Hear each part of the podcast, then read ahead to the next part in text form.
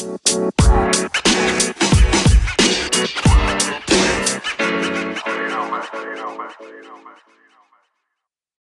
malam teman-teman semua. Apa kabarnya? Semoga teman-teman dalam keadaan yang sehat. Gelombang ketiga COVID lagi mulai naik lagi. Tapi mudah-mudahan semua teman-teman tetap melakukan prokes dengan ketat, jaga kesehatan supaya uh, tidak sampai tertular uh, gelombang uh, ketiga kali ini ya. Malam hari ini kita akan ngobrol-ngobrol santai aja bersama Dokter uh, Rini. Beliau adalah seorang dokter yang saat ini sedang menempuh pendidikan spesialis, spesialis gizi klinik di Universitas Diponegoro di Semarang. Ya. Kenapa malam hari ini uh, kita akan ngobrol bersama dokter ini karena uh, nanti kalau dokter ini udah gabung kalian boleh uh, meluncur ke Instagramnya beliau uh, beliau mencantumkan link di bio-nya artikel yang beliau tulis uh, beberapa waktu yang lalu mengenai pengalaman beliau merawat pasien dengan kanker mulut rahim dan itu menarik sekali artikelnya beliau menjelaskan dengan sangat komprehensif permasalahan-permasalahan uh, apa sih yang dihadapi oleh perempuan terkait uh, akses pemeriksaan kesehatan.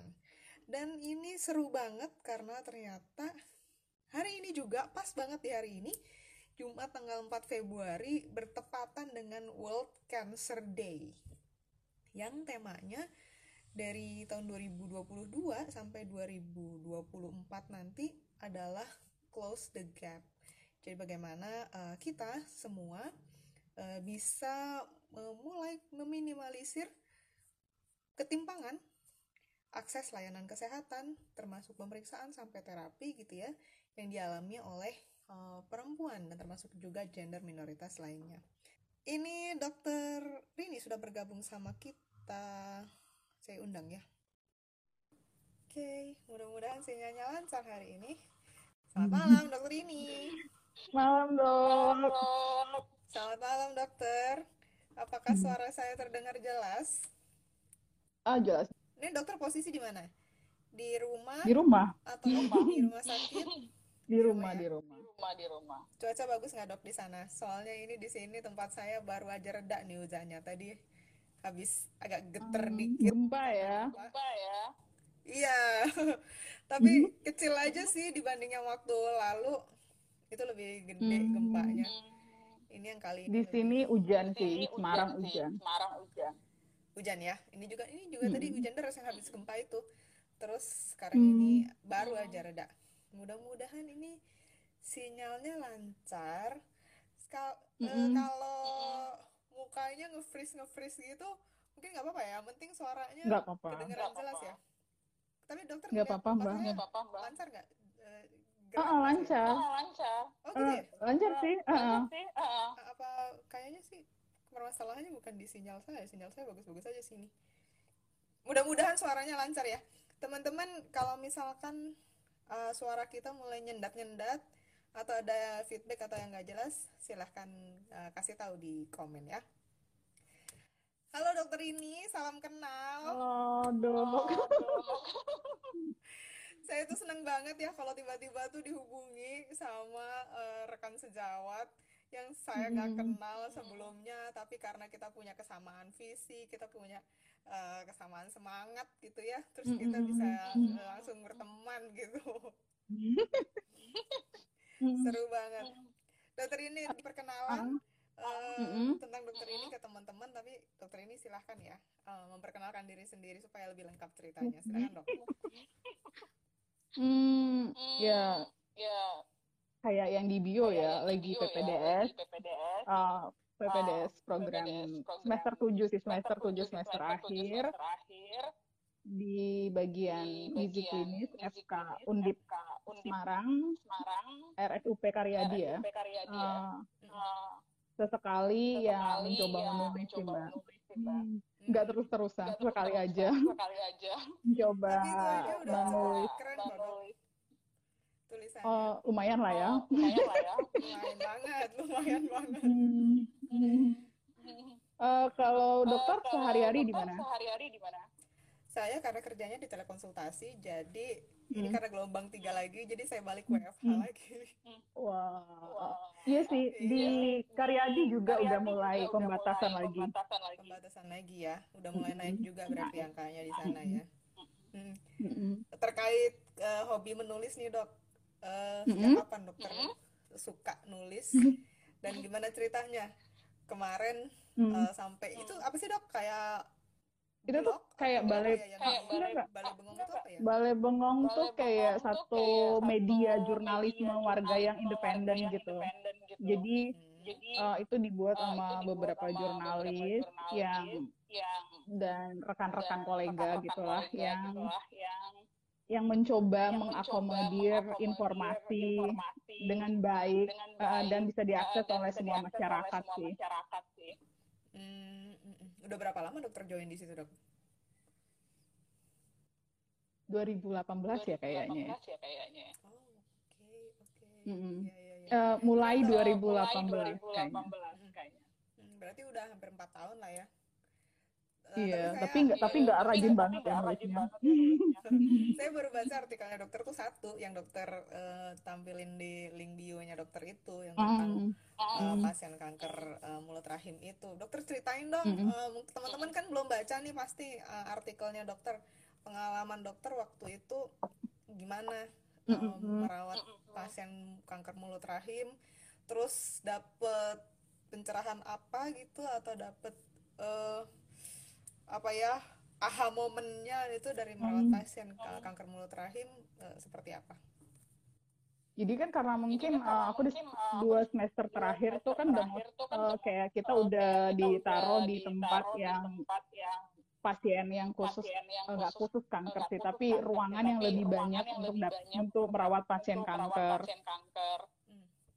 Nah, jadi karena Nah, jadi itu karena eh, sehari-hari aku ya eh, pasti sering lah ya terpapar sering lah ya dengan terpapar lah pasien-pasien dengan kanker ya. pasien-pasien kanker ya.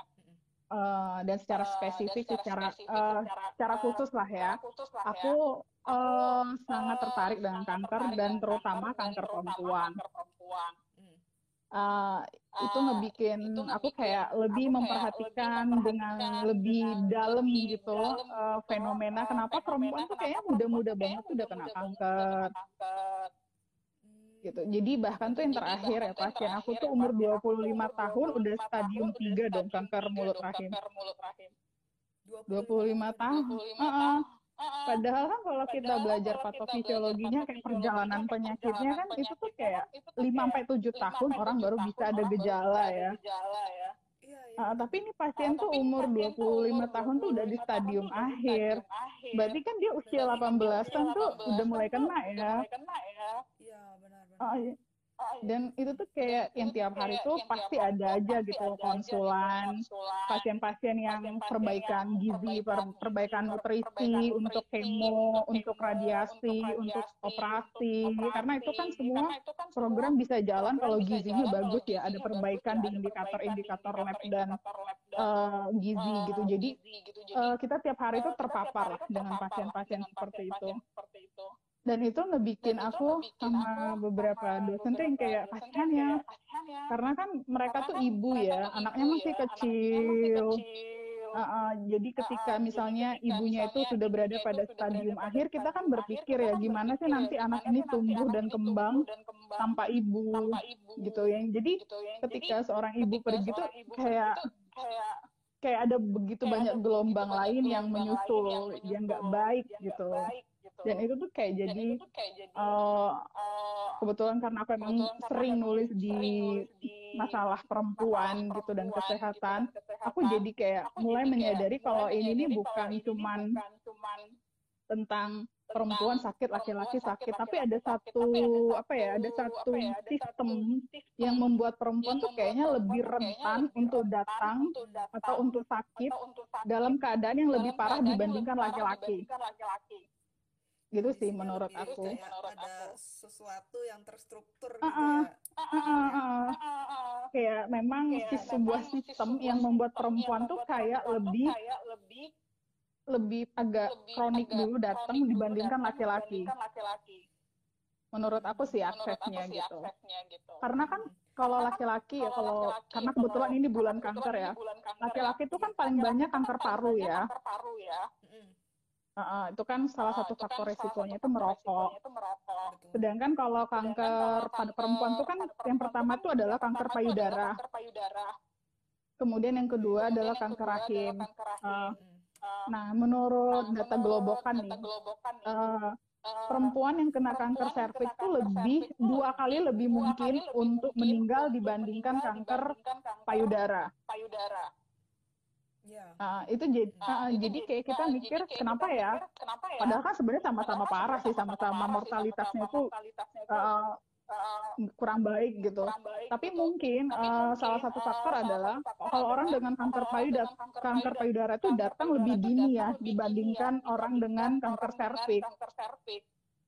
Bisa jadi kan salah Bisa satu jadi kan salah faktornya. satu faktornya. Karena eh, Karena eh, gejalanya gejalanya kalau kanker payudara kalau kanker itu kan payudara langsung itu ada kan benjolan ya. ada Perempuan benjolan langsung ya. aware, Perempuan langsung langsung aware, datang. Langsung terlihat Tapi malah kalau ya. Tapi kalau kalau kanker serviks kalau itu kan itu kan gejalanya itu gejalanya itu kalau masih kalau dini masih itu dini itu eh, agak apa ya? agak apa ya? Agak susah agak dideteksi susah dideteksi bagi perempuan bagi kalau perempuan memang tidak kalau terpapar memang dengan tidak terpapar informasi dengan yang adekuat, informasi yang adekuat, yang ya kan? optimal, ya kan? Jadinya itu yang membuat perempuan-perempuan datang ke rumah sakit dengan kanker serviks yang stadiumnya lebih lanjut.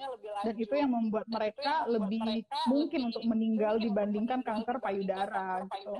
Dan gitu. itu tuh kayak membuat kita menarik kembali ke sistem sih ya, sistem ya, tatanan di sekitar perempuan yang membuat perempuan tuh kenapa sih terlambat datang ke rumah sakit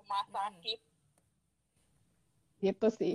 Gitu sih. Karena tadi eh, dokter menyebutkan juga salah satu faktor yang cukup penting yang membuat perempuan itu terlambat untuk memeriksakan diri ter, eh, Mm-mm. untuk Mm-mm. apalagi untuk penyakit-penyakit yang gejalanya agak samar gitu ya dok ya Eh, di mm-mm. di awal-awal gitu samar terus baru muncul gejala di stadium yang udah udah lanjut gitu Lebih lanjut. heeh. lanjut. utamanya heeh. tidak terpapar eh, informasi yang adekuat. Nah ini eh, dokter bisa jelasin lebih lanjut nggak? Mm-mm. Ini terkait apa sebenarnya? Eh, status pendidikan kah atau Mm-mm. akses internet mungkin? Karena Mm-mm, sekarang mm-mm, eh, mm-mm. informasi kan bisa didapat di internet kan gampang Mana ya. aja ya. Mana aja ya. Heeh. Mm-mm. Atau te- tentang eh, apa nih? Atau memang dari kita tenaga medis kurang eh, menyampaikan Hmm. edukasinya? Menurut dokter apa aja? Mm-mm-mm. Mm-mm-mm. Menurut aku sih kompleks ya Mbak ya. kompleks ya, Mbak. Kayak Hmm. Kayak karena karena eh, eh, ketimpangan ketimpangan gender ya, ketimpangan ya, eh, ketimpangan antara fungsi laki-laki dan fungsi peran laki-laki dan perempuan tuh dan perempuan tuh di dalam masyarakat Indonesia itu kan udah kan menahun ya, maksudnya itu kayak ya. udah kayak udah udah kokoh udah gitu. kokoh gitu. Dan eh, ketimpangan eh, gender itu ketimpangan kan gender itu eh, kan eh, sangat berpengaruh sangat terhadap berpengaruh akses terhadap kesehatan akses ya. kesehatan ya. Iya, betul. Eh, Eh, kalau yang saya kalau baca yang sih saya baca salah satu salah yang satu yang menjadi target menjadi daripada target SDGs daripada itu kan SDGs adalah itu kan adalah usaha untuk usaha menghapuskan untuk ketimpangan menghapuskan gender ya, ketimpangan baik gender ya, dalam baik ekonomi, dalam ekonomi, pendidikan, ataupun pendidikan, kesehatan, ataupun kesehatan, terutama kesehatan reproduksi ya, reproduksi di ya, negara-negara di maju, negara-negara terkhususnya maju, di negara-negara terkhususnya di berkembang negara-negara gitu. berkembang gitu. Eh, Eh, dan menurut dan dan menurut dan salah satu hak asasi manusia itu kan asasi adalah hak manusia itu asasi kan akan adalah hak informasi asasi dan akan pendidikan informasi ya, dan Mbak. pendidikan ya, Mbak. Iya, Eh, dan hak untuk Eh, hidup hak serta untuk hidup layanan sejahtera. Iya, dan eh, Iya, dan itu Iya. menjadi itu menjadi se- salah satu hal yang salah menurut aku sebenarnya jadi kalau perempuan kalau meninggal karena perempuan kanker karena itu kayak kanker sebenarnya serviks itu kayak pelanggaran HAM sebenarnya sih? pelanggaran HAM nggak sih? Karena kan mm-mm. sebenarnya Karena kan eh, sebenarnya eh, kalau mereka terpapar kalau dengan mereka baik terpapar dengan dan baik punya akses yang baik terhadap pencegahan pencegahan ataupun ataupun pemeriksaan lebih dini, pemeriksaan mereka kan nggak akan datang ke kan rumah sakit dengan lanjut. stadium lanjut. Iya, ah, iya. gitu. Ah, ah, gitu. Mm-mm. Kalau dari pengalaman saya soalnya dok ya, Hmm. mm, Hmm. ada beberapa permasalahan yang memang memang pelik sih kalau menurut saya ya. Mm-mm. Jadi Mm-mm. eh, terutama kalau misalkan ini terkait dengan organ-organ eh, reproduksi atau organ-organ yang cukup privat ya, misalkan payudara, uh, Mm-mm. vagina atau area uh, anus gitu ya. Itu Mm-mm. uh, perempuan lebih enggan ya untuk memeriksakan karena uh, malu, ada rasa malu, ada Mm-mm. rasa takut, Mm-mm. terus ada rasa Mm-mm. ketidakcocokan Mm-mm. dengan tenaga medisnya misalkan uh, Mm-mm. lebih lebih nyaman diperiksa sama perempuan gitu tetapi Wah, ternyata nggak ada Wah. dokter uh, perempuannya Mm-mm. gitu jadi uh, Mm-mm. itu menjadi salah satu uh, alasan juga gitu tetapi Mm-mm. em, Mm-mm. ada ada yang uh, masalah-masalah lain juga memang aksesnya eh, kelihatannya agak sulit kalau untuk perempuan terutama kalau misalkan di daerah gitu ya dok ya. Mm-mm. Mm-mm. dengan keterbatasan em, apa ada puskesmasnya kadang dokternya Mm-mm. ada kadang Mm-mm. enggak atau jarang Enggak, antara ah, rumah enggak. mereka ke puskesmas juga jauh gitu ya Mm-mm. Nah, kalau dari pengalaman eh, dokter gimana? Sebenarnya ini permasalahannya lebih privat dari Mm-mm. dari pasien-pasiennya sendiri yang memang Mm-mm. eh, Mm-mm. tidak tidak eh, mau untuk memeriksakan atau memang ada masalah yang jauh lebih besar yang lebih makro lagi nih daripada sekedar eh, Mm-mm. pasien malu untuk memeriksakan gitu. Eh, sebenarnya Oh, masalahnya nggak sekecil sekedar sekecil rasa malu ya ya. Tapi ya, ini ya. pasti Tapi ini kenapa pasti perempuan kenapa malu itu perempuan pasti malu karena itu ada pasti sesuatu karena di ada sekitar sesuatu mereka yang membuat mereka yang membuat untuk mereka malu. untuk malu. Hmm. Heeh, gitu. Heeh, gitu. Iya kan? Iya kan? Eh, menurut Eh, aku menurut eh, aku sebagai eh, kita kasih perumpamaan aja Mbak Eh, atau sebagai contoh aja. sebagai contoh aja. Eh, 20 tahun Eh, lalu 20 kanker cervix itu masih menjadi itu masalah di negara-negara semacam Skandinavia ya. Ya. Hmm. Eh, 20 atau Ah, 30 20 tahun yang 30 lalu. Tapi sampai Tapi sekarang itu nggak menjadi itu beban ekonomi kesehatan mereka lagi. mereka Karena oke. sejak Karena usia 14, sejak usia mereka 14, itu sudah mereka divaksin itu sudah HPV divaksin di sekolah. HPV di sekolah. Hmm. Nanti usia 16 Nanti mereka usia diulang 16 sekali mereka lagi. diulang sekali lagi. Hmm. Kemudian mereka punya Kemudian fasilitas punya pap smear fasilitas satu tahun setelah tahun setelah eh, hubungan seks eh, pertama. hubungan seks pertama. Nah, jadi itu Nah, membuat jadi itu mereka membuat memiliki mereka kesadaran yang memiliki tinggi kesadaran bahwa yang tinggi bahwa eh, mereka harus rajin loh mereka pap harus smear rajin loh pap gitu. Gitu. Ah, jadi ketika Ah, jadi eh, ketika misalnya nih, eh, misalnya kenapa nih, sih kenapa eh, sih eh, perempuan Indonesia itu malu Indonesia banget itu untuk malu ngomongin untuk ngomongin nyeri nyeri senggama, senggama, Hmm. malu banget untuk malu banget ngomongin untuk ngomongin ada eh, bercak ada darah bercak sehabis darah hubungan sehabis seks, hubungan seks, atau malu Keputihan banget atau malu ngomongin banget kalau ngomongin kalau keputihan yang bau, yang bau, atau malu banget atau malu ngomongin banget ketika ngomongin ketika eh, kalau BAB-nya kalau BAB-nya sakit sakit gitu. gitu. Iya benar. Eh, eh, Eh, dan dan apa ya? Dan apa ya? rasa Dan malu itu rasa malu itu eh, eh, membuat perempuan tadinya jadinya terlambat ya kan ke terlambat rumah ya kan sakit. rumah sakit. Mm-mm. Nah, tapi Nah, rasa tapi malu yang rasa membuat malu mereka yang terlambat mereka itu terlambat itu eh, dipengaruhi eh, oleh banyak faktor sih Mbak, seperti pendidikan, pendidikan, Iya. ekonomi, ekonomi, Hmm. eh, kemudian kemudian geografi, eh, seperti yang kita bilang yang tadi, kita jarak tadi, mereka terhadap rumah sakit, terhadap jarak rumah mereka terhadap mereka dokter terhadap dokter spesialis, gitu kan. gitu kan. Kemudian Kemudian eh, faktor-faktor eh, sosiokultural faktor-faktor seperti sosiokultural hal-hal seperti yang dianggap hal-hal yang eh, dianggap tabu oleh eh, tabu oleh masyarakat. eh, masyarakat. kan eh, ada banyak sih kan faktor-faktor sih sosiokultural di setiap daerah di setiap yang membuat yang perempuan itu menjadi tertutup menjadi untuk hal-hal yang berbau yang berbau seksual gitu. seksual gitu. Eh, ini misalnya, Eh, misalnya, Hah, kenapa Mbak? nah, Oh, kenapa iya Mbak? silakan dulu dok, lanjutin dulu aja dok. Eh, misalnya nih Eh, eh, misalnya nih eh, akses perempuan terhadap perempuan informasi. terhadap informasi. Eh, Eh, menurut menurut yang saya baca ya, yang saya baca eh, ya, kepemilikan eh, kepemilikan handphone, handphone, telepon genggam telepon atau ponsel atau pintar ponsel gitu pintar antara gitu, perempuan dengan antara laki-laki dengan lebih banyak laki-laki loh yang punya ponsel yang punya ponsel. Daripada perempuan. daripada perempuan. Tapi perempuan Tapi perempuan banyak main lebih banyak main lebih internet banyak dibandingkan eh, eh, laki-laki. Jadi kayak laki-laki. aku mikir kayak sih, aku kok bisa ya mereka main ya internet mereka main banyak tapi nggak punya HP. tapi nggak punya HP.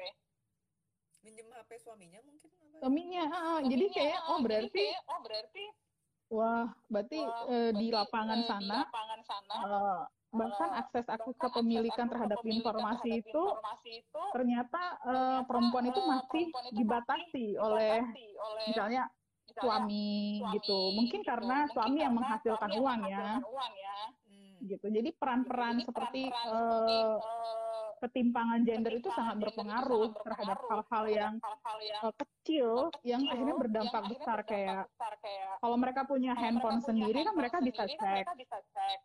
Tapi kalau mereka Tapi kalau harus mereka nunggu harus HP suami HP suami eh, atau eh, HP atau siapa pun yang HP mereka siapa pun pinjem, yang mereka pinjem, itu kan akan membuat kan mereka terbatas membuat atau mereka malu untuk membuka malu di Google di Search-nya Google kan. Search-nya kan. Oh, Jadi, betul, betul. Jadi Ah, jadi hal-hal yang membuat perempuan itu membuat miskin perempuan terhadap itu miskin terhadap informasi informasi itu yang membuat perempuan itu perempuan menjadi itu menjadi tidak terlalu tidak terpapar terlalu dengan terpapar informasi yang informasi optimal yang gitu tentang gitu pencegahan penyakit-penyakit menular seksual termasuk nantinya komplikasinya itu adalah komplikasinya itu kanker gitu. kanker gitu. Dan juga mungkin masalah perseba pemerataan informasinya juga kali ya dok. Mm, mm, Eh, mm, mm. kalau misalkan Mm-mm. sekarang lebih banyak eh, informasi lewat eh, internet gitu kan, tetapi masih banyak Mm, mm, masyarakat yang sebenarnya belum tersentuh sama internet.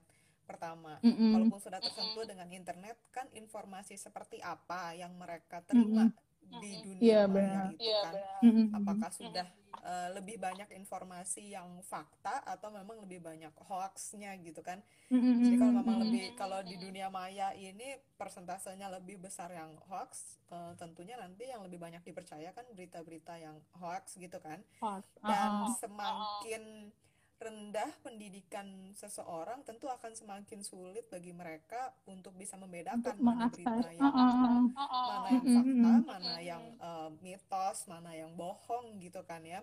Mm, Nah, tadi saya tertarik eh, banget sama eh, yang dokter sampaikan tentang perbandingan kita dengan negara Skandinavia yang anak-anak eh, sekolahnya sudah mendapatkan vaksin HPV. Ini Mm, eh, mm, memang sebenarnya kalau dari eh, IDAI kan sudah merekomendasikan seperti itu ya, Dok. Mm, mm. Untuk vaksin mm, mm. HPV itu eh, sedini mungkin anak-anak start usia 9 tahun Mm, mm. udah Iya masuk Iya, SMP, masuk gitu. eh, SMP, menjelang masuk SMP udah boleh. SMP udah boleh. Iya, tapi eh, ini kan kemudian terkait eh, biaya nggak sih dok? Karena yang saya tahu vaksin Mahal ya. Mahal ya. kan biayanya mahal banget. Mm, mm. Bahkan mungkin mm. kalau eh, kita yang dari kelompok menengah aja mungkin kalau untuk vaksin masih harus nabung dulu gitu mungkin ya. Mm, mm, mm, mm, mm. Eh, gimana dengan eh, mas- eh, masyarakat perempuan-perempuan dari kelompok miskin padahal eh, mereka juga sangat membutuhkan atau bahkan lebih butuh Mm, mm. karena Mm. di masyarakat kelompok miskin biasanya perempuannya lebih mudah menikahnya begitu Untuk- dok ah, ah, ah, ah. lebih banyak terjadi perkawinan anak di mereka dan mm. Yang- eh, semakin awal semakin mudah mereka melakukan Mm-mm. hubungan seksual pertama kali kan lebih Mm. mudah ya untuk terpapar eh, lebih rentan menjadi lebih rentan Mm-mm. terpapar Mm-mm. infeksi menular seksual termasuk kanker Mm-mm. serviks juga kan ya Mm, mm. Mm, kalau mm. pandangan dokter gimana eh, soal permasalahan ekonomi Ekonomi, ini ketimpangan mm, Iya, Mm, mm, ketimpangan em, masalah ekonomi ini di di perempuan bisa mempengaruhi layanan eh, Kesehatannya, apa, layanan perempuan, ya, kesehatan. perempuan mendapatkan Hmm. kesehatan gimana dok? Ah. Jadi itu Jadi eh, itu bukan hanya di bidang di pendidikan bidang ataupun pendidikan literasi ya, ataupun literasi terhadap ya, eh, eh, perempuan mengalami perempuan mengalami ketimpangan ya. ketimpangan Eh, seperti yang Mbak bilang Seperti tadi yang Mbak bahwa bilang tadi bahwa akses terhadap akses literasi yang bagus literasi itu laki-laki ternyata laki-laki ternyata 97% 97% mereka bisa mampu mengakses literasi yang baik, sedangkan perempuan itu hanya di perempuan itu hanya 92 di sampai 92 sampai 93%. 93%. Terjadi ya berarti ya sekitar eh, eh, 5% gap, 5% yang mana itu gap, tinggi yang mana banget itu kan tinggi banget kan gapnya. Nah, sedangkan di negara-negara penduduk kita Berarti ada Ah, banyak berarti ada perempuan yang banyak yang sebenarnya eh, belum bisa eh, belum menggap bisa apa mengakses literasi yang mumpuni. mumpuni ah, Iya. gitu. Ah, gitu. Eh, di mana juga aku baca ternyata eh, perempuan itu dibayar lebih rendah. Jadi ketika ada perempuan dan laki-laki yang bekerja dengan posisi yang sama, latar belakang pendidikan yang sama, eh, ternyata laki-laki dibayar satu dolar, perempuan dibayar 77 sen. Jadi ada 0,3 persen gap, gap di bidang eh, upah Mm-mm. gitu. Nah, eh, gimana lagi bahwa eh, eh, dari 100% sektor formal di Indonesia itu hanya 30% isinya itu yang perempuan. Heeh. Jadi ha- perempuan tuh lebih banyak bekerja di sektor informal. informal iya iya Mm-mm, benar-benar benar. mm-mm. Terus eh, dari 82% perempuan yang sekolah sarjana itu hanya eh, hanya sekitar 27% yang jadi master dan lebih sedikit lagi yang jadi doktoral Hmm. dibandingkan laki-laki gitu ya. yang- Ah, ah. eh, angkanya semakin menurun untuk perempuan ya dok ya? Iya, ah, ah, ah, ah. Nah, belum lagi di bidang eh, di bidang usaha ya. Ternyata tuh dari 10 usaha, satu punya perempuan, 9 punya laki-laki. oh mm, mm. Dan dari kepemilikan buku tabungan, buku tabungan itu ternyata lebih banyak laki-laki dibandingkan perempuan gitu. Mm, mm. Eh, dan eh, apalagi semakin apalagi sejak pandemi ini kan ba- semakin banyak perempuan yang eh, eh, semakin banyak perempuan yang jatuh dalam keadaan miskin ya. ekonomi kurang. Karena kan banyak perempuan itu bekerja di sektor informal. Sedangkan selama pandemi ini sektor informal itu kan terpukul. Membuat membuat perempuan yang bekerja di sektor informal itu menjadi semakin ekonomi kurang sedangkan 15% daripada perempuan yang bekerja di sektor informal itu adalah memiliki anak-anak yang ber- eh, sedang sekolah di usia dasar yang harus sekolah dari rumah. Hmm. Jadi mereka masih harus cari uang, masih ngajarin anak. Jadi kayak mereka nggak sempat mikirin kesehatan ya. Berlipat-lipat Ah. gitu ya kayaknya ah, ah. masalah dan beban Tugas perempuan. Ah, ah, ah. Nah, jadi eh, ap- sudah sangat jelas ya dari situ dari peranan itu aja tuh kayak membuat perempuan itu sangat sulit untuk bisa memikirkan kesehatan mereka. Eh, apalagi mencari informasi. memikirkan untuk anak-anaknya kali ya dok Iya, ah, kalau kar- ada uang sedikit lebih buat kebutuhan eh, primer untuk ah. anak-anaknya dan kesehatan Mm-mm. itu belum masuk Ba- sebagai kebutuhan primer gitu kebutuhan ya. primer bagi perempuan. Eh, makanya eh, ada gap yang jelas juga kan antara perempuan di daerah urban sama perempuan di daerah rural terhadap angka kesehatan gizi anaknya. Di mana bahwa sekitar 200% lebih mungkin ibu-ibu yang tinggal di daerah rural dengan pendidikan yang kurang bagi anak mereka untuk mengalami gangguan gizi. Sekitar 80% lebih mungkin untuk mengalami stunting gitu kan. Jadi eh, padahal itu aja eh, mungkin itu mungkin karena faktor geografi dan ekonomi ya mempengaruhi kesehatan ibu dan anak. Nah, kalau di sini kan kita bisa melihat ya bahwa dengan eh, ketimpangan ekonomi tersebut membuat si ibu bahkan tidak punya waktu untuk memikirkan kesehatan mereka. Hmm. Bahkan Hmm. mereka pun tidak cukup eh, eh, tahu dan punya kemampuan baik secara ekonomi ataupun informasi untuk menjadi ibu yang adekuat untuk mencegah gangguan gizi pada anak mereka gitu. Iya, iya, iya. Nah, jadi sangat jelas ya ketimpangan di bidang pendidikan, ketimpangan di bidang ekonomi itu memang membuat perempuan itu kayak ah, jangankan untuk vaksin HPV gitu, untuk eh, isi kulkas bulan ini aja tuh saya masih harus mikir gitu. Iya, Eh, sedangkan benar. ketika eh, sedangkan suaminya merokok gitu ya. Ketika batuk-batuk tuh langsung ke puskesmas. Eh, Iya, tapi kalau benar, istri kayak nanti-nanti deh gitu. Mm, mm, mm. selama sakitnya masih bisa ditahan ntar aja Karena belakangan perempuan ya. akan lebih menahan, eh, eh, gitu. Iya.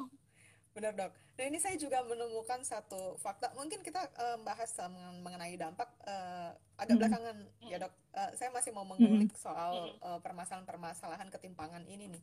Saya juga ada mendapatkan data bahwa hanya sekitar 50% perempuan di Indonesia yang sudah mempunyai asuransi kesehatan. Iya. Buat saya itu data Dan- uh, data yang uh, agak mengerikan gitu ya. Ah, ah, ah, ah. Karena um, di, de- sekarang ini kan apalagi negara kita selalu menggenjot uh, BPJS gitu ya BPJS, dan uh-uh. sudah BPJS, uh, uh-uh. diberi kemudahan gitu ya bisa untuk menerima uh, bantuan iuran yang PBI itu gratis Mm, gitu mm, jadi benar-benar BPJS, gratis. PBI ya. iya ya. ditanggung BPJS gitu Eh, Hmm. tapi ternyata hanya 50% perempuan di Indonesia yang sudah mempunyai asuransi kesehatan baik swasta maupun BPJS. BPJS. Artinya BPJS. untuk setiap permasalahan kesehatan mereka sangat mungkin permasalahan kesehatan itu bisa memiskinkan eh, perempuan. Dan Banget. saya jadi ingat cerita dari eh, salah satu teman saya, beliau adalah seorang single mother dan Hmm. ternyata ada satu permasalahan eh, struktural lagi eh, terkait asuransi kesehatan di negara kita ini. Hmm. Ternyata ada kesulitan untuk ibu tunggal atau ibu yang Oh. menjadi kepala Oh. keluarga untuk mendaftarkan Mm-mm. eh, dirinya dan eh, anaknya ke BPJS. Kalau Oh, jadi harus ada suami Ada gitu ya? Suami gitu ya. Iya, kalau dia belum Hmm. keluar dari eh, kakaknya itu. Hmm. Hmm. Padahal ada jadi 15 padahal ada juta 15 ibu, juta anu, ibu tunggal loh di Indonesia. di Indonesia. Iya, itu dia. Jadi eh, dengan banyaknya ibu tunggal, ibu yang menja- eh, perempuan yang menjadi kepala keluarga Kepala di keluarga. Kepala Hmm. negara keluarga. kita, eh, ternyata itu eh, terhambat atau sulit ti- tidak diakomodir kebutuhan Hmm, hmm, hmm, hmm. untuk Mm-mm. asuransi kesehatannya oleh negara kita. Jadi eh, saya sih membayangkan eh, berat sekali ya untuk perempuan ini eh, untuk sehari-harinya aja eh, Hmm. sulit. Hmm. Ini apalagi untuk harus periksa eh, ini itu ini itu kalau ada gejala Hmm, gitu hmm, ya. Mm-mm. Hmm, hmm, Padahal. Padahal kan selain BPJS, kalau saya pribadi melihatnya sebenarnya negara sudah menyiapkan cukup eh, banyak gitu eh, untuk eh, perempuan Hmm. Indonesia akses KB gitu ya. KB kan kalau Hmm, datang ke puskesmas kan gratis aja dok. Setiap da- hmm, setiap bulan atau setiap tiga bulan datang aja boleh gratis kan. Hmm. Terus untuk pemeriksaan IVA, deteksi dini, Hmm, di puskesmas tuh atau sebenarnya mudah loh. Mudah loh. sebenarnya kan gratis, hmm, tapi ini kan jadi Hmm. eh, jadi eh, tanda tanya besar sudah disediakan gratis oleh pemerintah. Eh, ternyata masih aja gitu loh. Permasalahannya masih besar beban eh, be- beban negara Ekonomi, kita, beban negara terhadap terhadap kanker penya- eh, yang kankernya itu salah satunya kanker rahim dan satunya lagi kanker Hmm. payudara Hmm. gitu. Hmm. Jadi Iya. gimana ya dok Hmm. menanggapi ini dokter gimana? Eh, kompleks eh, ya. kompleks Eh, ya. sebenarnya Eh, sebenarnya eh, yang aku baca juga tuh data dari tuh data dari UN UN sekitar sekitar 75% 75% perempuan yang perempuan yang tidak mencapai tidak perguruan tinggi atau tidak tinggi atau tidak tidak cukup eh, lah tidak cukup lah pendidikannya, itu mereka itu butuh mereka KB. butuh KB. Jadi walaupun Jadi peng- walaupun informasi tentang KB dan akses pada KB dan akses pada KB gitu. Eh, berarti kan Eh, walaupun berarti banyak kan walaupun perempuan banyak di perempuan walaupun di banyak eh, walaupun usaha banyak terhadap usaha KB terhadap di KB di puskesmas puskesmas artinya artinya masih ada masih ada jarak ya antara jarak ya fasilitas antara tersebut fasilitas dengan si ibu-ibu tadi. Karena ternyata data Karena menunjukkan ternyata bahwa data menunjukkan bahwa 75% 75% perempuan dengan perempuan dengan pendidikan yang kurang pendidikan masih yang butuh kurang masih butuh KB KB Iya. Gitu. Berarti kan walaupun berarti kan pemerintah udah walaupun pemerintah mm, udah udah menggalakkan udah ternyata masih ada ternyata gap masih ada gitu. gap gitu. Ya itu tadi sih Ya kalau itu tadi menurut sih aku kalau sih memang karena gap di bidang pendidikan tadi ya. Karena tadi ya. ternyata Karena ternyata perempuan-perempuan yang sudah mencapai perguruan tinggi mereka paham KB dan mereka maksudnya sudah mereka terpapar sudah terpapar bahwa kondom itu itu uh, bukan hanya uh, sebagai alat kontrasepsi tapi juga alat mencegah penyakit menular gitu. Gitu. Iya, Uh, iya, tapi. Uh, tapi ya, terutama uh, di daerah terutama di perkotaan daerah ya. perkotaan ya. Uh, kalau di Uh, daerah rural kalau kan di dia daerah pasti rural angka kan dia pasti angka angka mereka angka terpapar mereka terhadap terpapar informasi terhadap berkurang informasi berkurang gitu. gitu. Jadi menurut aku sih emang akses uh, terhadap pendidikan, akses terhadap informasi dan literasi, uh, kemudian juga uh, akses terhadap kemandirian ekonomi itu pasti berpengaruh. Walaupun walaupun gratis, tapi kalau misalnya yang megang uangnya atau yang kerja suaminya. Uh, kemudian nggak ada yang jaga anak, si perempuan kan nggak sempat ya ke puskesmas, apalagi puskesmas cuma bisa buka setengah hari. Oh, ya, betul, betul, uh, di desa ataupun di uh, di, di pelosok Indonesia itu kompleks gitu permasalahannya bagi ibu-ibu rural untuk bisa mengakses uh, puskesmas. Belum lagi sosiokulturalnya orang-orang Indonesia yang kalau ibu-ibu mau pergi ke puskesmas, mau ngecek kesehatan seksual, mereka pasti mikirnya ini, ibu nggak habis ngapain selingkuh ya. Uh, jadinya uh, uh, perempuan yang punya keluhan pun akan berusaha menutup diri, jangan sampai ini menjadi aib gitu. Karena secara sosiokultural tuh banyak sekali anggapan-anggapan uh, ketika kita berbicara seksual, ketika kita berbicara pengaman, ketika kita berbicara, uh, aduh aku mau ke puskesmas nih, mau ganti uh, pengaman atau ganti ini, ini ibu-ibu uh, akan ngerasa kamu habis ngapain? Mau ngapain? mau ngapain? Gitu. Terus gitu. belum lagi terus mungkin belum lagi mungkin ketika perempuan ketika mungkin aware, mungkin aware uh, pasangannya untuk pakai kondom. nggak semua loh perempuan di Indonesia cukup berdaya untuk bilang ke suaminya kamu pakai kondom dong aku takut sakit suaminya akan berpikir suaminya kamu akan berpikir, kira aku pria jahat ya? atau kamu apa ya, nah, egosentris laki-laki ya budaya patriarki itu membuat perempuan juga jadi kayak nggak bisa meminta nggak punya daya gitu. ya, uh, untuk mau aja, dok. Uh, uh, uh, uh. suaminya bilang nggak mau aja. Kamu kan istri aku gitu. gitu. Iya. Terus istrinya udah gak berani jadi kompleks juga kalau iya, uh, uh. iya uh, uh. Hmm aduh ini saya jadi merasa kayaknya semuanya itu uh, berkaitan gitu ya dok ya. Di yeah. tadi dibilang uh, pendidikan status pendidikan menghambat keberdayaan ekonomi dari seorang mm -hmm. perempuan perempuan Terus, uh, perempuan. ini, ya ini juga terkait dengan uh, peran gender dan uh, relasi kuasa yang timpang di dalam uh, keluarga rumah gitu ya. tangga itu. Rumah tangga itu ya karena kalau perempuan tidak berdaya secara ekonomi berarti uh, penghasilan 100% didapatkan dari suami gitu misalkan. Mm -hmm. Jadi uh, suami ada relasi kuasa di situ. punya otoritas yang luar biasa mm -hmm. sekali mm -hmm. atas uh, ke kebebasan si perempuan si istrinya ini mm -hmm. gitu. Mm -hmm. Bahkan untuk kebutuhan seperti mau pergi ke puskesmas aja mungkin ya harus nunggu izin suaminya dulu mm -hmm. gitu kali. Kalau suaminya nggak izinin, mm -hmm. biar udah kesakitan kayak apa juga nggak datang juga kali. Iya. Iya. Dan uh, ada satu poin yang menarik sih yang dari menarik keberhasilan Skandinavia dan Swiss dalam mengeradikasi si kanker serviks ini. Ya mereka juga memvaksin pria anak kecil yang cowok. Kecil jadi bukan cuma cewek aja. Oh, uh, karena ya. uh, karena karena seperti yang kita ketahui kan, virus HPV itu bisa mengenai laki-laki dan perempuan. Tetapi dia bisa menyebabkan perubahan pada sel-sel di leher rahim, yaitu perbatasan antara vagina dan rahim gitu. Nah, sedangkan laki-laki bisa terinfeksi tanpa ada gejala apa pun karena mereka nggak punya sel rahim, sel leher rahim gitu.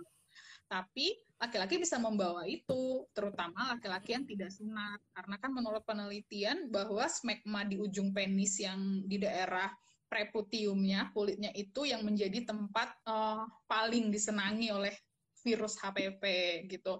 Makanya di beberapa negara yang mewajibkan sunat itu angka HPV itu uh, angka, angka kanker serviks itu rendah gitu. Nah, jadi salah satu usaha yang dilakukan oleh uh, pemerintah di negara-negara Skandinavia itu adalah bukan cuma cewek yang divaksin, tapi juga anak cowok gitu. Dan itu membuat si cowok kan juga menjadi bebas terinfeksi daripada HPV sehingga mereka tidak akan menularkan ke si cowok ke si perempuan gitu. Nah, berarti di situ kan sudah ada satu usaha ya dari pemerintahnya yaitu untuk setara bahwa bukan cuma anak perempuan aja yang divaksin, tetapi anak laki-laki yang membawa juga divaksin gitu. Jadi menurut uh, saya kita akan bisa menekan angka uh, kanker-kanker yang disebabkan oleh penularan seksual seperti hepatitis yang bisa menyebabkan kanker liver uh, ataupun misalnya uh, kanker servis yang disebabkan oleh virus HPV itu dengan mengedukasi pria juga untuk lepas dari egosentris patriarkinya. Kalau perempuan aja yang disuruh untuk berubah, uh, kita nggak akan ke mana-mana sih mbak.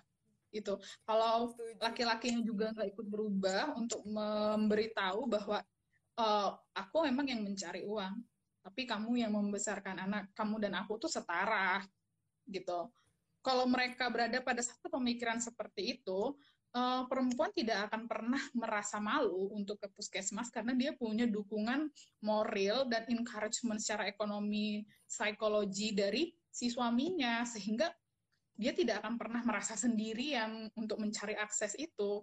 Dan itulah yang membuat negara-negara semacam Skandinavia dan Swiss itu berhasil menekan uh, angka insidensi kanker serviks karena mereka juga melibatkan laki-laki di situ. Dan ini yang menurut aku pemerintah kita masih kurang memahaminya. Mereka hanya menyediakan suatu langkah-langkah yang sangat pragmatis gitu. Misalnya uh, menggalakkan sarjana kesehatan masyarakat, dokter umum dan dokter uh, spesialis, perawat, tenaga kesehatan ke puskesmas mengedukasi gitu. Ibu-ibu ini datang, kemudian isi absen, tapi ibu-ibu ini punya masalah di rumah. 100 informasi yang diberikan oleh tenaga kesehatan sampai di rumah tuh hilang 90, karena dia masih harus ngurusin anak, ngurusin suami, ngurusin mertua, dapur, kulkas, eh, kebun, semua gitu. Jadinya dia nggak punya waktu untuk benar-benar menerawang, memikirkan informasi yang sudah kita kasih dengan uh, pemerintah sudah membiayai uh, usaha preventif ini gitu tanpa melibatkan laki-laki di dalamnya. Satu perubahan yang besar pada laki-laki di Indonesia gitu. Jadi uh, salah satu hal yang harusnya pemerintah lakukan dan kita juga lakukan sebagai orang yang adalah anggota masyarakat adalah untuk mengedukasi pria bahwa kesehatan seksual dia gitu juga berperan terhadap perempuan kesehatan seksual perempuan itu berperan juga untuk dia dan untuk anak mereka gitu. Jadi kesehatan seksual istri itu bukan hanya tugas istri, tapi tugas laki-laki. Kalau laki-lakinya memang aware atau peduli pada perempuan, mereka akan baik-baik saja menggunakan kondom. Aduh, gitu. Saya 110% ya, kan? setuju banget sama yang disampaikan sama laki-laki harus terlibat ya kan. Yes, it's very well said dok. Uh, saya sangat setuju karena uh, untuk kita bisa mencapai satu kesetaraan itu bukan cuma menjadi tugasnya perempuan aja. Tetapi kita juga butuh laki-laki untuk membangun suatu uh, suasana satu sistem yang ya benar-benar setara gitu. Dan tadi dari uh, contoh uh, bahwa anak-anak sekolah baik perempuan maupun laki-laki Eh, sama-sama divaksin HPV itu yeah. juga menjadi uh, salah satu sex education ya dok ya. Yeah, uh, untuk anak-anak usia dini jadi anak laki-laki itu juga tahu permasalahan kesehatan reproduksi perempuan. Nggak mm-hmm. nggak nggak kayak ada dikotomi gitu ya udah laki-laki ngurusin kesehatan laki-laki perempuan kesehatan perempuan gitu ya jadi dari kecil uh, sudah ditanamkan bahwa ya kita ini nih saling berelasi pasti akan hmm. ada intertwine gitu ya uh, di antara kita gitu. Dan iya saya setuju banget sih karena di negara kita uh, laki-laki belum belum uh, ada uh, perspektif uh, yang bisa uh, gimana laki-laki bisa relate dengan uh, permasalahan permasalahan perempuan, kesehatan perempuan, kesehatan reproduksi gitu. Dan uh, sayangnya yang uh, pemangku-pemangku kebijakan gitu nggak uh, punya perspektif ini gitu ya makanya yeah. tadi iya. dokter bilang uh, kebijakan-kebijakannya jadinya cuma kayak reaktif gitu ya oh ada masalah ini yeah, ya udah kita bikin banget. apa iya tapi nggak bisa melihat masalahnya se sebagai suatu masalah yang fundamental gitu. Masalah ini masalah dasarnya apa sih gitu ya? Iya. Jadi itu kan merembet merembet juga ya dok. Mulai dari uh, apa yaitu uh, beban kontrasepsi hanya ke perempuan ya kan tadi persoalan uh, iya. Padahal, kondom dan segala macam itu. Merembet ke mana-mana. Padahal kan Mbak, dua kanker tersering pada perempuan tuh kanker payudara dan kanker serviks. Kanker payudara kan faktor resikonya selain obesitas adalah penggunaan kontrasepsi hormonal yang lama. Oh ya betul. Beberapa perempuan kan uh, memiliki tendensi atau uh, susceptibility karena kerentanan untuk mengalami perubahan hormonal fluktuatif yang menyebabkan perempuan tersebut sel-sel uh, di bagian payudaranya lebih respon dan menyebabkan perubahan. Nah, setiap perempuan seharusnya ketika memang sudah punya faktor resiko semacam dari keluarga yang sudah ada kanker, uh, kemudian mereka juga pernah gendut, tidak cocok KB, ya seharusnya laki-laki di situ mengambil peran dong. Dia yang KB untuk menyelamatkan kesehatan si istri. Tapi di Indonesia kan hal-hal seperti itu menjadi tugas perempuan memikirkan semuanya.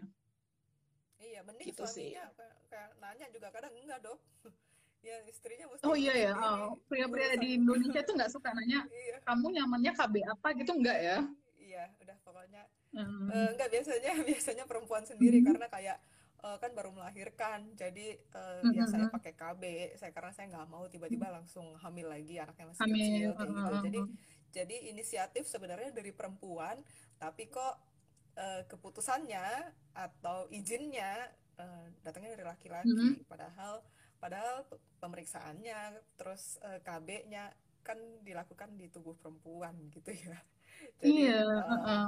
jadi perempuan itu seakan-akan uh, bukan seakan-akan uh, banyak perempuan yang tidak punya uh, otoritas terhadap tubuhnya mm -hmm. sendiri uh, terkait sendiri dengan, ya. ya terkait dengan kesehatan reproduksinya mm -hmm. gitu ya mm -hmm. dok kita lanjut bahas tentang uh, dampak itu tadi uh, dampaknya uh, dokter ada jelaskan ini bisa merembet yaitu datang e, pemeriksaan e, periksa sudah dalam kondisi stadium yang lanjut atau dari yang sebenarnya e, seharusnya tidak ada masalah kesehatan terus jadi ada kanker payudara gitu ya dok terus tadi dokter ada sebut hmm. juga soal e, merembet ke anak-anaknya juga karena uh, hmm. anak-anaknya juga kalau misalkan dia menikah terlalu muda dia nggak ada akses uh, apa keberdayaan ekonomi uh, akses ke uh, apa puskesmasnya jauh dan sulit uh, terus butuh biaya mm -hmm. juga uh, anak-anaknya juga terimbas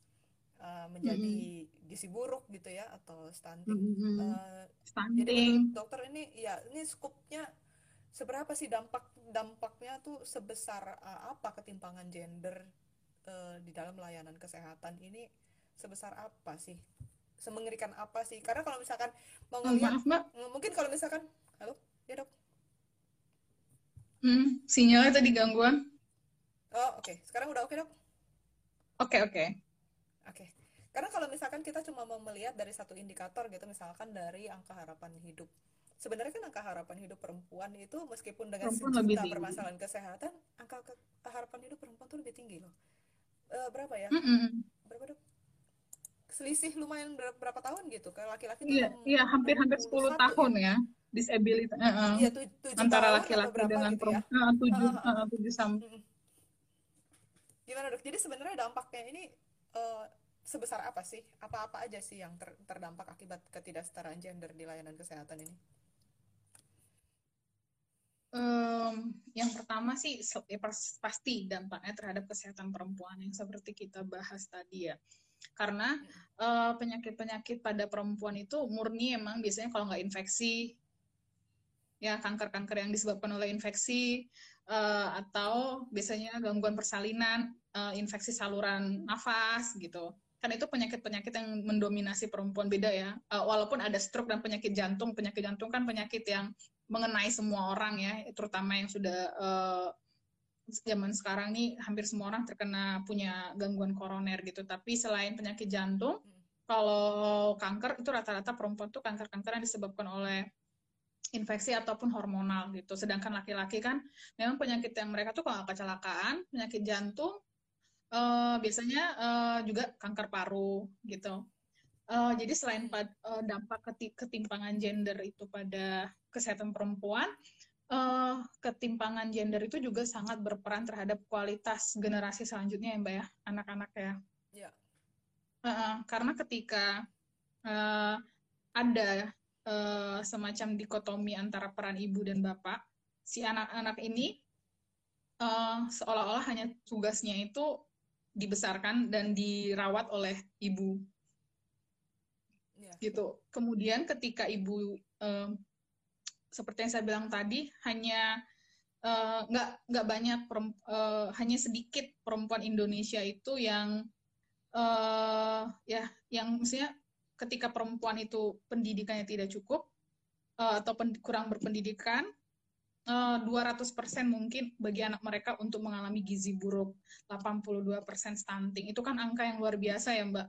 Dari misalnya ada berapa misalnya ada satu juta anak 82% stunting mau jadi apa generasi ini 20 tahun mendatang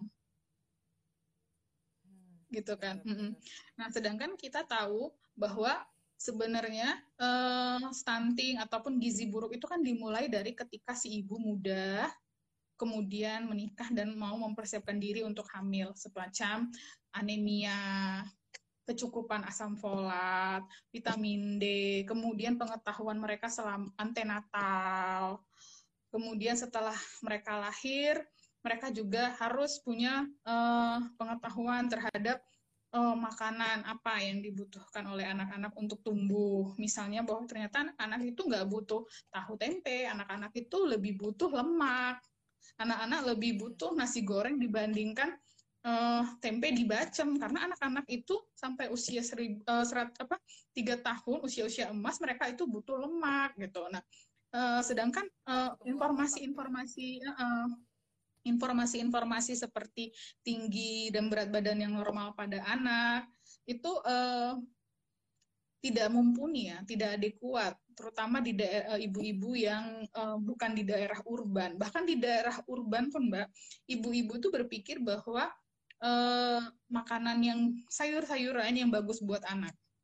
Mereka kasih sop, padahal sop sayur. Padahal anak-anak itu nggak butuh banyak sayuran saat anak-anak. Mereka butuh banyak lemak. Nah, misinformasi. Uh, jadi ketika kita mencerdaskan ibu, kita mencerdaskan bangsa sih, Mbak. Hmm, hmm, hmm. Iya kan. Ya, uh, ya. Jadi ketika uh, uh, mungkin pemerintah mungkin pemerintah melihat stunting ini sebagai sebagai suatu masalah yang serius. Tapi sebenarnya uh, sebelum uh, pemerintah melihat stunting ini sebagai masalah yang serius, pemerintah harus melihat bahwa uh, akses perempuan terhadap pendidikan ini lebih serius lagi, harus lebih diseriusin lagi untuk mengeradikasi stunting. Buktinya di negara-negara maju di mana perempuan itu bisa mengakses master, pendidikan master dan doktoral yang baik, tidak ada stunting, gitu. Sedangkan seperti yang kita ketahui tadi dari 82% perempuan yang masuk perguruan tinggi hanya 27% yang jadi master. Gitu. Jadi ketik ketimpangan gender ini bukan hanya berdampak pada perempuan kena kanker, perempuan kena sifilis, perempuan kena GO, enggak, tapi ini juga berdampak pada tingginya angka stunting. Gitu berapa banyak sih Mbak perempuan Indonesia yang ketika mau menikah melakukan pemeriksaan anemia dan asam folat? Iya, gitu. Atau pemeriksaan iya, vitamin iya, D, iya. padahal kita tahu vitamin D kalau dan kalsium. Iya ya, dok, karena kalau karena kalau misalkan dia rajin pakai buku pink itu itu kan minimal hmm. periksa HB ya. Minimal hmm. periksa HB, tapi kalau asam folat, vitamin D gitu enggak sih. Hmm. Hmm. Hmm. Nah, pada uh, atau uh, oh pemeriksaan vitamin D itu mahal, Dok. Tapi oke. Okay. Iya, benar. Masuk akal seberapa banyak sih ibu hamil yang benar-benar peduli minum susu yang tinggi vitamin D dan kalsium, kemudian mereka berjemur pagi hari? Soalnya susunya bayar dong, mahal. Iya, dan itu tuh yang kayak ngebuat uh, pertama perempuan nggak punya cukup informasi bahwa uh, bahwa ketika mereka tidak punya akses makanan eh akses pendidikan dan makanan yang cukup serta pemeriksaan yang baik selama mau hamil, hamil dan setelah hamil itu akan membuat adanya stunting gizi buruk. Setiap anak turun berat badan, otak mereka kan kemampuannya menurun, besar otaknya pun menurun dan itu akan mempengaruhi uh, kemampuan intelektual dan kognitif mereka di masa sekolah. Dan anak-anak inilah yang akan memimpin Indonesia 20 tahun mendatang. Makanya kita tahu kalau orang di Indonesia tuh yang jadi pejabat tuh ya biasanya orang-orang itu tuh aja. Karena mereka aja yang cukup gizi mungkin ya. Cukup iya kan? Gizi, cukup ilmunya, cukup koneksinya -huh. ya. Cukup dananya juga. Cukup dananya. Um, gitu sih. Jadi uh, aku pikir ketimpangan gender ini adalah masalah yang memang harus uh, diseriusin oleh semua stakeholder sih, bukan cuman selama ini kita dokter kan cuman taunya masuk rumah sakit kita obatin. Iya. Tapi uh, kita kayaknya Uh, uh, uh, ya udah gitu. Uh, kemudian ketika stunting kita dokter-dokter anak baru mulai mengejar gitu. Tapi aku pikir uh, semua stakeholders harus serius menangani yang namanya ketimpangan gender karena uh, itu ber, sangat-sangat berhubungan dengan yang namanya apa yang akan kita miliki 20 tahun lagi itu generasi mendatang ya Mbak. Uh, kayak di Meksiko ketika mereka melakukan perombakan ekonomi mereka me me mengikutsertakan perempuan. Mereka mulai merubah dengan mengikutsertakan perempuan. Sedangkan di parlemen dari anggota dewan hanya 30% yang perempuan. Ya, kita gitu. Jadi memang 30% belum sampai ya 30 persen yang sekarang. Tertinggi yang pernah ada di Indonesia, anggota parlemen itu 30 persen, berarti 70 persennya laki-laki gitu. Artinya keputusan-keputusan yang dibuat oleh parlemen pun tentunya akan lebih berdasarkan pemikiran laki-laki, bukan perempuan. Gitu sih, jadi hmm, ketimpangan gender ini bukan cuma masalah kesehatan, Mbak ya, tapi juga masalah ekonomi, pendidikan, bahkan sampai calon-calon pemimpin kita di 20 tahun mendatang. Mm -mm.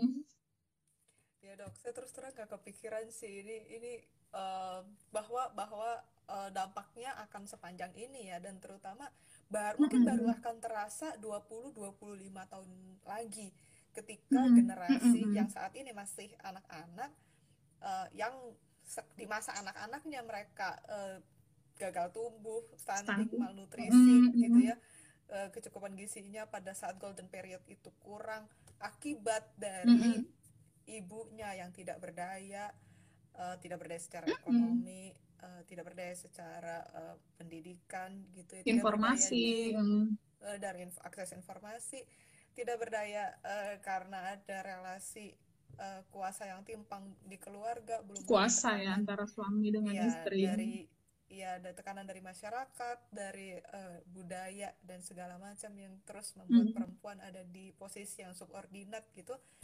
Mm-hmm. Ternyata dampaknya segini gedenya, mungkin malah mungkin sampai bisa jadi menggoncang keuangan negara juga gitu kali ya dok, karena iya, yeah, uh, uh, suatu hari nanti pastinya. ya kan beban uh, keuangan negara untuk menanggung masalah kesehatan perempuan yang selalu terlambat dideteksi kan tentunya lebih besar daripada kalau pencegahan gitu kan. Mm-hmm. Terus nanti mm-hmm. beban beban negara untuk menanggung ini generasi muda yang uh, tidak bisa produktif akibat masa mm-hmm. kecil yang kurang gizi ini gitu. Wow. Mm-hmm. Ternyata sejauh wow. itu ya. Halo pemerintah. Iya, uh, jadi tapi kayaknya um, uh, ya mungkin ya kita kan boleh ya mbak ya mengkritik pemerintah gitu yeah. karena kan uh, sebagai warga negara jadi ketika kita mau memperbaiki masalah ekonomi kita harus membuat masyarakat tuh berdaya secara pendidikan dan kesehatan karena itu hak paling dasar dari warga negara ya jadi iya. ketika aku tuh suka kepikiran mbak berapa sih biaya BPJS untuk kemo aja dari Sabang sampai Merauke? Karena antrian di tempat aku nih antrian kanker tuh per hari kanker nasofaring itu bisa berjejer 50-an. Gimana di Darmais, gimana di Sutomo, gimana di tempat lain terus uh, berapa banyak gitu yang mereka makanya utang BPJS tuh banyak ya gitu. Kenapa mereka nggak alihkan ini kenapa mereka nggak alihkan ini ke usaha vaksinasi? Mereka kerjasama dengan produsen vaksin HPV. Mungkin sekarang kesannya akan menghabiskan uang, tapi mereka saving loh untuk sesuatu yang 10 tahun mendatang. Harus mungkin harus ada uh, penghitungan khususnya gitu kali ya dok berapa Uh-uh. berapa angka nyata yang bisa dihemat oleh pemerintah kalau uh, digeser gitu fokusnya menjadi preventif Uh-uh. vaksin HPV Uh-uh. ketimbang biaya kemo. Ih, mahal loh Mbak kemo tuh. Sekali kemo berapa ratus Mahal ribu. banget. Mm-mm. Mm. Sedang eh, ada yang kemo yang 700. Eh, bukannya satu vaksin HPV, satu seri kan sekitar 600 sampai 800 ya karena tiga karena beberapa kali jadi 2 jutaan paketnya gitu. Jadi kayak menurut aku fokusnya pemerintah ini ya sangat kayak aku tadi reaktif dan pragmatis. Hmm, bukan suatu keputusan yang sabar dan berjangka panjang gitu. Ya dengan dengan uh, visi yang uh, lebih jauh gitu ya. Pokoknya Mm-mm. mengatasi SDGs masalah yang 2030 iya, lah, mata. apalah. Aduh, udah gak keburu dok. Ini udah tahun berapa dan Hmm. sekarang COVID-nya masih gini. Iya, Pemerintah masih Itu udah telat banget COVID. sih. Mm-mm, kita udah telat banget sih. Sedangkan negara-negara lain tuh kankernya tuh kanker pankreas gitu, kanker-kanker yang atau yang auto-autoimun penyakitnya. Kita masih ber- berperang melawan infeksi. Jauh banget sih. Iya. Tapi mungkin saya juga eh, sekalian kalau saya boleh ya tadi dokter udah sedikit mengkritik eh, ke pemerintah, saya mungkin mau mengkritik eh, teman-teman kita nih dok. Eh, Oh, nggak apa-apa, nggak apa-apa, Mbak. kita iya berapa Hmm. banyak sih eh, kita eh, dokter atau tenaga medis yang mau terjun ke politik Mhm. gitu dok, yang Iya ya, uh, uh, uh, uh. pemikiran yang produktif kan karena kita kan eh, kita sudah di lapangan gitu ya, kita melihat kenyataannya di lapangan. Eh, tapi Nah, nanti Mbak nih terjun ke Tapi politik. saya sih ngelihat sangat sedikit sekali ya eh, representasi Iya, iya dokter. eh, uh, kita uh. dari eh, dari Mungkin- tenaga medis masuk di perwakilan di Senayan sana gitu dan Mhm. kalau misalkan pun masuk bukan di ini bukan di divisi 9 bukan di divisi yang eh, Kesehatan. dok Hmm, ada Oh, di tersebar di divisi-divisi lain yang di eh apa sih kok divisi apa sih dok Eh, Hmm. komisi kok divisi ah, komisi. uh. komisi eh, nah jadi komisi 9 itu yang me- menaungi persoalan kesehatan itu didominasi bukan tenaga medis Mm-mm. gitu Iya ya, karena kan eh, politik di Indonesia ini kan eh, dikuasai oleh kaum-kaum tertentu saja. Jadi kalau bukan kaum itu mungkin nggak bisa masuk ya gitu. iya Nah, padahal sebenarnya kali ya masuknya Padahal sebenarnya harusnya kesehatan tuh bukan tidak ada unsur politis seharusnya ya, karena kan itu hak asasi ya. Tapi berhubung eh, politik di Indonesia ini dikuasai oleh kaum-kaum itu saja atau oligarki itu saja, membuat iya eh, kesehatan tuh menjadi sebuah komoditas ekonomi juga Komoditi. gitu ya kan. iya mm-mm, Dan komoditas selalu- politik dan ekonomi ya gitu. selalu isu Sedang- kesehatan dimainkan kalau misalkan udah mau cuma jadi permainan isu aja kalau misalkan udah mau eh, pemilihan gitu ya dok Mm. habis itu lupa nggak diurusin juga Mm-mm. Ya makanya eh, aku kalau pemilu tuh Mbak selalu ngelihat calon presiden tuh dari berapa banyak dia berani mengakomodir eh, anggaran negara untuk pendidikan dan kesehatan. Kalau dia nggak berani menaikkan di atas 20% anggaran pendidikan, aku nggak akan coblos sih biasanya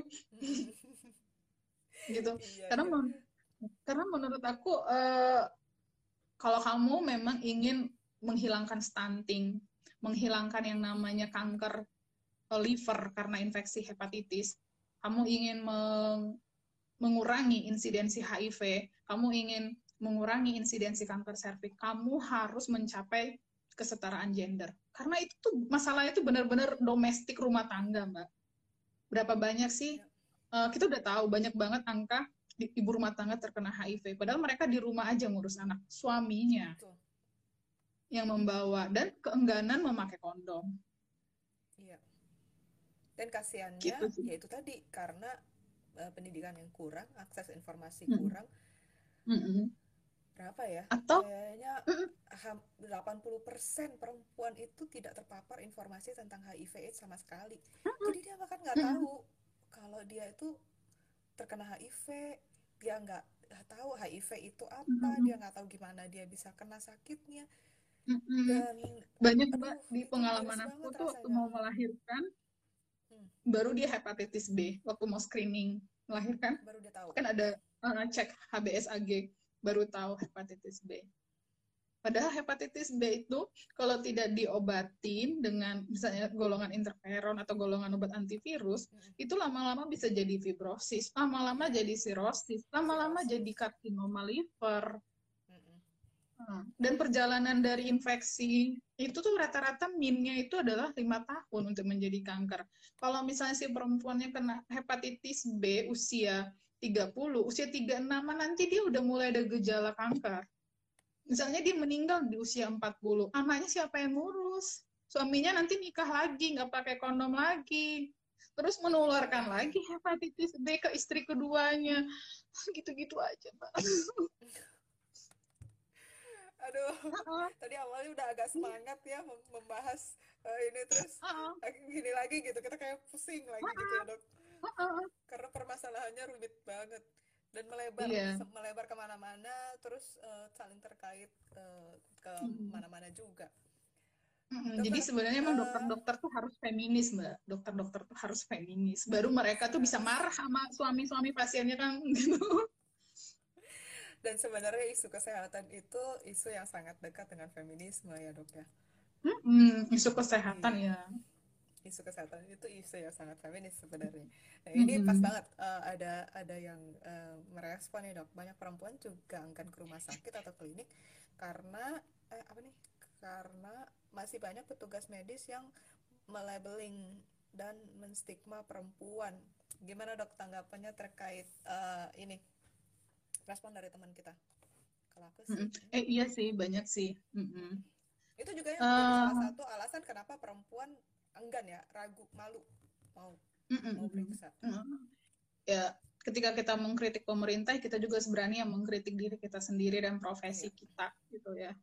Eh eh, aku punya pengalaman, aku punya teman yang dia punya anak kemudian nggak mau punya anak lagi karena eh, dia masih struggling dengan masalah ekonomi gitu. Kemudian hmm, pergi ke dokter dan dokter tuh dengan kayak ah, ngapain kamu mau nggak mau punya gini ya kamu pakai gini ya menyalahkan gitu. Padahal saat itu nggak perlu lagi ada proses-proses mencari siapa yang salah. Ini ada dia lagi hamil masih sangat uh, usia kehamilan masih dua minggu dia belum siap uh, dokternya kayak ah saya nggak bisa dengan wajah yang seperti seolah-olah kayak si mbak ini datang dengan dosa yang sangat besar gitu Mm-mm. terus uh, saya bilang bahwa hal seperti itu emang di Indonesia masih sangat tabu kalau kamu mau melakukannya kamu emang harus ke dokter kandungan supaya aman karena salah satu resikonya bisa perdarahan, kamu bisa mengalami gangguan serius gitu. Uh, tapi kalau kamu mau seperti itu ada lembaga kok yang bisa kamu konsulkan gitu. Kamu bisa ketemu dokter kandungan, kemudian dokter kandungan akan bisa uh, bekerja sama dengan dokter yang berhubungan dengan seperti itu, sehingga kamu akan mendapatkan pendampingan uh, apa alasan kamu untuk melakukan itu. Dan ada juga kok dokter-dokter yang sangat terbuka dengan hal-hal seperti. Walaupun menurut aku emang sebagian besar tuh uh, tenaga medis, apalagi kalau di daerah-daerah terpencil mbak ya yang uh, tenaga medisnya itu di puskesmas, terus datang ibu-ibu misalnya uh, mau uh, melakukan pemeriksaan karena nyeri saat senggama, kemudian atau ada benjolan di payudara gitu. Tenaga uh, beberapa dia itu kan masih sangat tabu ya, bahkan ada beberapa daerah yang mm, banyak juga petugasnya itu masih dokter-dokternya itu masih banyak kan lebih banyak cowok dibanding ceweknya juga gitu. Uh, dan juga uh, stigma-stigma terhadap misalnya kalau istri datang dengan HIV pasti dikatain ini jangan-jangan ini nakal apa gitu uh, padahal ya bisa jadi si ibu tuh dapat dari suaminya gitu. tapi kalau laki-laki yang datang dengan HIV orang pasti cuman ah, ya udahlah tapi kalau perempuan kayaknya lebih digunjingin lebih lama gitu ya Iya. gitu uh, jadi ya menurut aku memang uh, kita para dokter juga harus berani sih keluar dari stigma-stigma yang jadul gitu yang kayak uh, kalau orang datang dengan HIV atau hepatitis tuh pasti bandel ya urusan moral tuh urusan masing-masing ya kita kayaknya bukan hakim moral di di dunia ini kita jadi dokter bukan buat jadi hakim moral orang sih kita memang bertugas kemanusiaan kita nggak peduli sama moral orang gitu ya. Iya. Moral kita juga belum tentu bagus 100% kok gitu. Iya, aduh, benar banget dok. Itu itu yang selama ini selalu saya eh, gaung-gaungkan lewat gerakan dokter tanpa stigma ini. Hmm. Tapi memang eh, kayaknya masih, eh tapi mudah-mudahan ya dok ya, pelan-pelan ya dok. Kalau Hmm. sekarang ini masih lebih susah nyari dokter yang non stigma, non diskriminatif gitu, lebih banyak nemu Hmm. yang itu tadi jadi hakim-hakim moral gitu. Tapi Hmm. mudah-mudahan lah kita berharap secepatnya di tahun-tahun ke depan lebih banyak lagi dokter Mhm. yang em, lebih netral, lebih terbuka pikirannya, lebih berpihak ke Mm-mm. ke pasien dan Mhm. punya perspektif eh, gender lebih gitu ya. Mm-mm. Dokter kita udah satu jam lebih. Dokter mungkin bisa merangkum Oh, atau iya. ada eh, kata-kata penutup. Ini seru banget sebenarnya Oh. pembicaraannya.